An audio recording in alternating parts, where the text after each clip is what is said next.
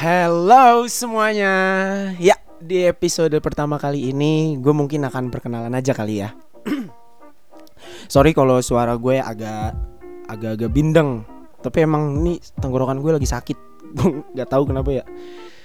Banyak man gorengan kayaknya. Indonesian Pride. Mohon maaf. ya hari ini mungkin uh, di episode pertama kali ini uh, gue mau ngucapin selamat pagi, siang, sore, malam. Ya kalian dengernya hari apalah. Eh dengerinnya hari apa? Dengerinnya waktu kapan? Terserah deh.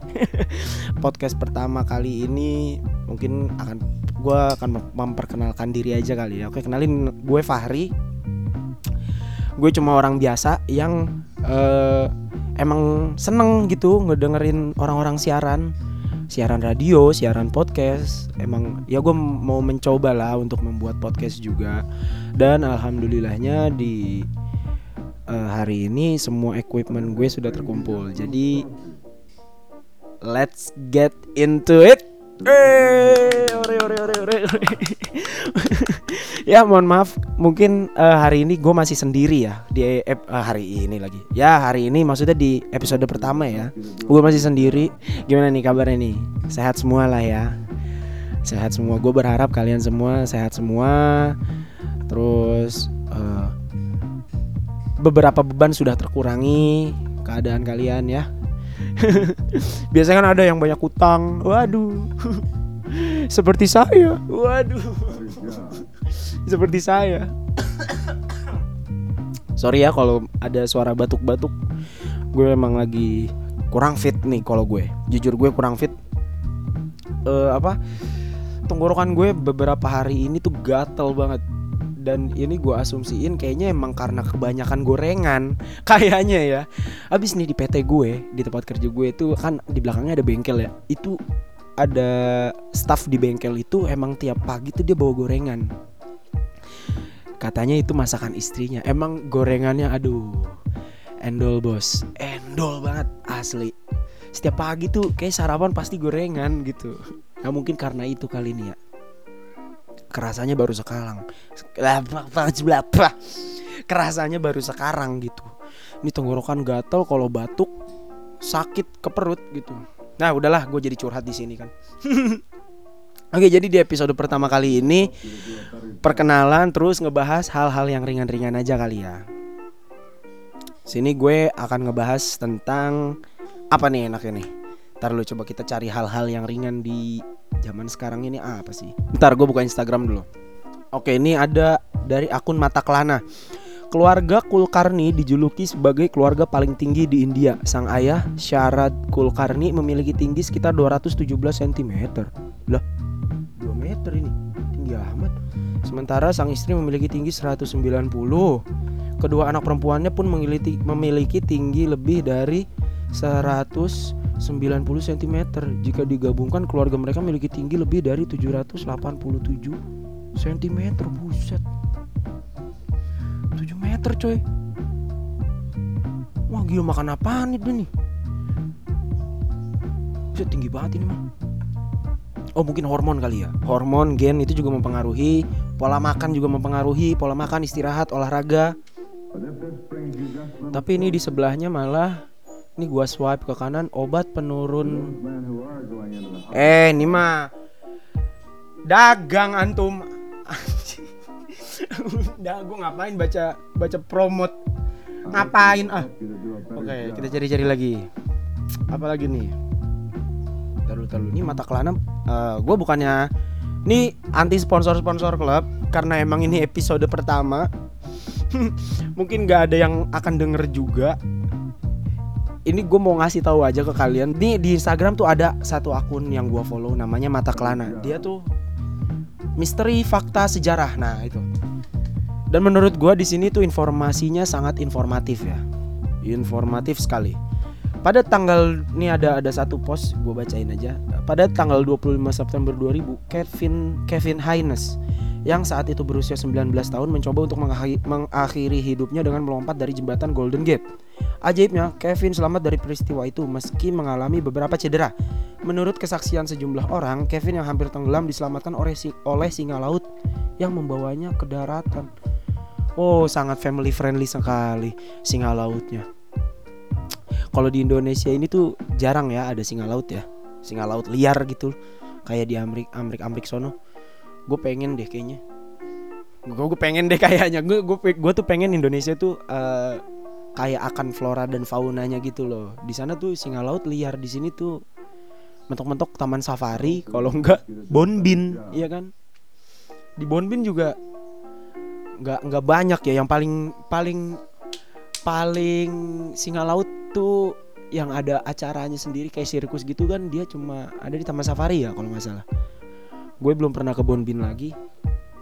Waktu itu gue terakhir ke bonbin itu pas kuliah semester 7 kalau nggak salah sama teman-teman kampus gue. Itu saking gabutnya ya gue jadi ke bonbin itu ngeliat-liat aja di sana. Dan emang ya sepi asik sih emang kalau buat jalan keluarga bareng ngobrol itu asik. Cuma emang sepi aja sekarang udah sepi dia terus yang kedua apa nih Sakuntala Devi wanita asal India ini dijuluki sebagai manusia komputer berkat kecepatannya dalam berhitung ia pernah mencatatkan namanya dalam Guinness Book of the Record setelah berhasil menebak dengan benar hitungan perkalian dua bilangan 13 digit perkalian 2 bilangan 13 digit dalam waktu 28 detik. Buset pinter banget ini.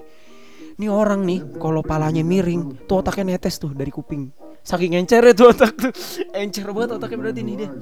Ia bahkan berhasil mengalahkan program komputer dengan menebak akar pangkat 23 dari 201 digit 201 digit angka hanya dalam waktu 50 detik 12 detik lebih cepat dari program komputer itu sendiri. Buset.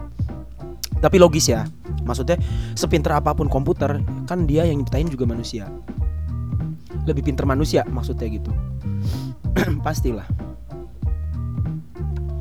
terus apa lagi nih hal-hal yang menarik oh ini nih Daniela Liverani, wanita asal Inggris ini mengalami, mimisan selama seminggu yang ia yakini sebagai akibat kecelakaan motor.